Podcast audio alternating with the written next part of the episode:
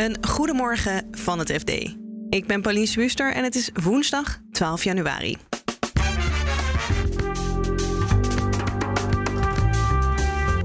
Eind vorig jaar blies het laadpalenbedrijf EVBox de geplande beursgang af.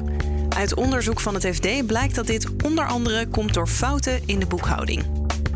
Het CPB heeft eindelijk de kabinetsplannen door kunnen rekenen. En de rekenmeesters zien het wat minder rooskleurig in dan de schrijvers van het regeerakkoord. Eigenlijk kan nu alles. Ja, en daarmee neem je dus het risico dat de komende generatie bij een rentestijging daarvoor de prijs betaalt. En een Nederlandse hackersgroep gaat wereldwijd beveiligingslekken opsporen en verhelpen. Dit is de dagkoers van het FD. Laadpalenbedrijf EVBox wilde met een beursgang uitgroeien van een succesvolle start-up tot een wereldwijde speler op de groeimarkt voor elektrische auto's. En nu blijkt dat het bedrijf de beursgang heeft moeten afblazen vanwege grote fouten in de boekhouding. Martijn Pols is FD-redacteur zakelijke dienstverlening. Martijn, laten we even beginnen met EVBox. Wat voor bedrijf is dat? Ja, EVBox is uh, een van die uh, kleine maar snel groeiende start-ups op het gebied van uh, laadpalen. Dus de laadpaalinfrastructuur. Noodzakelijk om elektrische auto's, die we natuurlijk steeds vaker zien rondrijden. Uh, om, die, uh, om die op te kunnen laden. voor degenen die in een elektrische auto rijden, die, die herkennen waarschijnlijk de naam wel. dat zijn, dat zijn veelgebruikte laadpalen in Nederland en ook verder in Europa. En ze vallen onder een Frans energiebedrijf, toch? Ja, ze zijn in 2010 in Nederland heel vroeg opgericht. Uh, in 2017 verkocht aan het Franse Engie, uh, beursgenoteerde energieconcern. maar nog steeds een, een Nederlands bedrijf gevestigd in, in, in Amsterdam. En ja, dat, dat leek dus langzaam uit te groeien van die kleine start-up naar een, naar een middelgrote speler op de Europese en zelfs Amerikaanse markt. Met als kerst op de taart de mogelijke beursgang. Ja, maar die kwam niet. Precies. Uh, de jaarrekening over het jaar 2020 uh, kwam maar niet, uh, niet rond.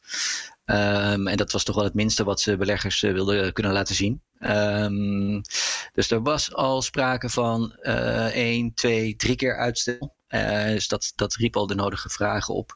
En uh, vlak voor oud en nieuw uh, bleek de stekker uit de beursgang getrokken te zijn, om even die hele flauwe grap te maken. Dus is er besloten dat de beursgang definitief niet door kon gaan. Ik zei al, grote boekhoudkundige fouten. Waar moeten we dan aan denken? Wat ging er mis? Nou, wat we nu uh, hebben uh, kunnen opduiken is, de, is de voorlopige jaarrekening, die nog steeds ook niet ondertekend is door de accountant. Het is altijd een veegteken dat dat nou, meer dan een jaar na het sluiten van het boekjaar nog niet gelukt is. dan, is er, dan is er wel het nodige mis. En dat blijkt ook. ze hebben de jaarcijfers die al goedgekeurd waren over 2019 moeten corrigeren vanwege materiële fouten, zoals dat in accountancy-taal zo mooi heet. En materieel betekent groot genoeg om invloed te hebben op nou ja, belangrijke posten als omzet, winst en, en, en met name ook de winstmarge. Uh, die zijn op belangrijke punten uh, in 2019 al aangepast. En ook die cijfers over 2020 uh, laten toch wel een, een, een, slechter beeld zien dan, dan in eerste instantie was voorgespiegeld. Ja, en ik begrijp dat de hele top van een organisatie ook een stoelendans heeft gedaan eigenlijk de hele directie uh, bestaat uit andere mensen. Dus de CFO is inmiddels vertrokken. De CEO zit ziek thuis. Uh, maar ook andere mensen uit het bestuur zijn inmiddels weg. Ons wordt vanuit het bedrijf verteld dat het een niet samenhangt met het ander. Maar het is wel opvallend dat in een jaar dat er, dat er een beursgang zou moeten plaatsvinden, er cijfers moeten worden aangepast. Maar dat er ook, zowel in de Raad van Bestuur en ook in de Raad van Commissarissen, eindeloze wijzigingen hebben plaatsgevonden.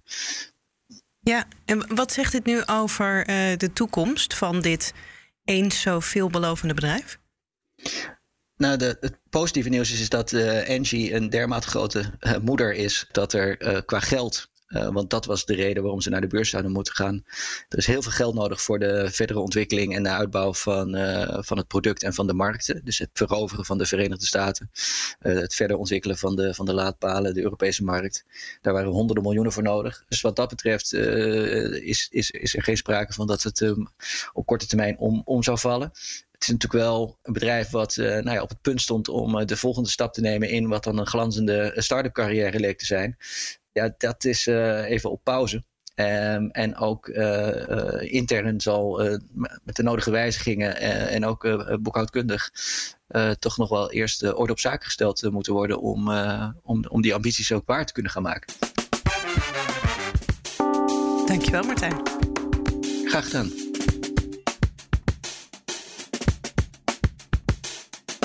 Gisteren kwam dan eindelijk de doorrekening van het Centraal Planbureau van de kabinetsplannen van Rutte 4. Uh, eh, Marijn Jongsma is FD-redacteur macro-economie. Uh, Marijn, is het eerlijk als ik zeg dat uh, de jonge generatie uiteindelijk de portemonnee moet gaan trekken? nou, als je de doorrekeningen van het CBB goed leest, dan komt het daar wel op neer. daar waarschuwen ze eigenlijk ook voor. Ze hebben dus bij het CPB doorgerekend wat die plannen eigenlijk op langere termijn betekenen. En, en langere termijn is ook echt langere termijn. Dus, dus hoe komt uh, de staatsschuld als percentage van het uh, nationaal inkomen uit in 2060? Nou, dat, dat is behoorlijk. Uh, dat duurt nog even. Dat duurt nog eventjes. En dan zie je dat die staatsschuld oploopt tot maximaal zo'n 92 procent. En die last die dan bij de jongere generatie komt te liggen, Waar komt dat vandaan? Waar, waar betalen ze uiteindelijk voor? Ja, daar kun je nog een hele discussie over, uh, over voeren. Want wat het CPB eigenlijk doet, uh, is het volgende. Die zeggen ja, een, een boel incidentele uitgaven die het kabinet als incidenteel brandmerkt. En waarvan het CPB zegt, nou, het is heel waarschijnlijk dat dat structureel hogere uitgaven worden. Klimaat bijvoorbeeld telt maar door tot 2030, maar de doelstellingen moeten worden behaald in 2050. Dus trek die uitgaven die we tot 2030 uh, doen, maar, maar vrolijk door. Dat is veel realistischer. En zo geldt het bijvoorbeeld ook aan hogere uitgaven aan onderwijs. Het kabinet zegt ja, dat is incidenteel. Maar het CPB zegt nou, als die uitgaven helemaal hoger zijn, dan uh, is het ligt voor de hand dat het volgende kabinet denkt van ja, daar, daar, daar branden we onze vingers niet aan. We gaan vrolijk door met dit beleid. En is het dan ook hoger dan we kunnen dragen? Uh, nou, dat is een goede vraag. Um, dat hangt natuurlijk heel erg af van de rente. Want de grap is, in deze prognoses wordt rekening gehouden met de huidige rente. Of eigenlijk nog zelfs de rente tijdens Prinsjesdag. En die is laag. Nou, is best kans dat de rente heel lang laag blijft. Hè? Ik bedoel, we, hebben, we roepen al tijden dat uh, de rente gaat stijgen. En tot dusver valt het heel erg mee, hoewel hij nu wel oploopt. Maar als de rente natuurlijk teruggaat naar niveaus uh, die we 20 jaar geleden zagen. Die ook al niet absurd hoog waren. Ja, dan betekent dus dat je veel meer, uh, veel hogere financieringslasten gaat dragen. Dus dat is een risico. Ja. Maar als jij de jongere generatie was, zou je dan een beetje bekocht voelen als je dit nu zo allemaal leest? Mm, nou, dat is eigenlijk uh, een beetje afhankelijk van, uh, van hoe die uitgaven worden gedaan. Hè? Kijk, uh, veel jongeren vinden ook het klimaatprobleem heel belangrijk. En een deel van het geld gaat natuurlijk naar, naar het klimaat. Ja, je zou ook kunnen zeggen: het is een beetje een sigaar uit eigen doos. Want wij hebben ook de, of wij, de jongere generatie, relatief jong ben ik dan, ja. hebben ook al de lasten gehad van te veel fossiele brandstof gebruiken door de generaties boven ons. En dan betalen we ook nog om dat op te lossen? Nou, dat vind ik een goed punt. En ik begrijp wel dat je die klimaatproblemen moet oplossen. Ik begrijp dat het geld kost. Alleen uh, wat je nu eigenlijk ziet, omdat de rente zo laag is, uh, dat er geen pijnlijke keuzes worden gemaakt. Dat er niet wordt gezegd van ja, oké, okay, als we meer aan klimaat doen, dan moeten we misschien wat minder hier aan doen. Eigenlijk kan nu alles. Um, ja, en daarmee neem je dus het risico dat een komende generatie bij een rentestijging daarvoor de prijs betaalt. Dankjewel, Marijn. Graag gedaan. De Nederlandse hackersgroep Dutch Institute for Vulnerability Disclosure wordt de wereldwijde waakhond van het internet. Ga ik het over hebben met Stijn van Gils, tech-redacteur van het eh, FD. Stijn, voor iedereen die deze club uh, nog niet kent, jij omschrijft het als een anarchistisch vrijwilligerscollectief. Wat moeten we ons daarbij voorstellen? Ja, dit is een groep van, uh, van hackers die eigenlijk wel een beetje op het randje van de wet opereren. Want zij kijken uh, bij bedrijven wie precies wel en niet kwetsbaar is. Door ja, eigenlijk als het ware op, op servers in te breken. Te kijken of dat ze daar toegang toe hebben. met nieuwe beveiligingslekken die uitkomen. En nu is het dus zo dat zij een formelere rol krijgen. Of in ieder geval meer geld om te doen wat ze al doen. Uh, ja, vooral, dat laatste. Dus uh, ja, ze hebben nu wat, uh, wat budgetten gekregen om ja, hun werk wat professioneler aan te pakken. en wat ze nu willen is internationaal gaan. Ze, ze, sturen nu vanuit Nederland allerlei mailtjes naar bedrijven die dus kwetsbaar zijn. Straks willen ze dat meer um, vanuit verschillende plekken gaan organiseren. ook om die mailtjes beter te krijgen. dus dat ja, het, het, het wekt toch meer. Um, vertrouwen wanneer je een mailtje krijgt in, in, in, je eigen taal van iemand die de cultuur in dat land kent, dan een mailtje uit het Nederland wat je verder niet kent. Want anders voelt het misschien ook een beetje als een phishing mailtje dat je opeens een mailtje krijgt: hey, er zit een kwetsbaarheid in je software, doe dit en dat, en dan is het allemaal op. Ja, nee, precies. ja. En dan is het nog steeds, blijft het feit over dat um, ze op het randje van de wet opereren. Is er dan nog mm zorg in de techsector over deze groep? Dat ze dit ook op grotere schaal gaan doen? Of worden ze wel al geheel vertrouwd?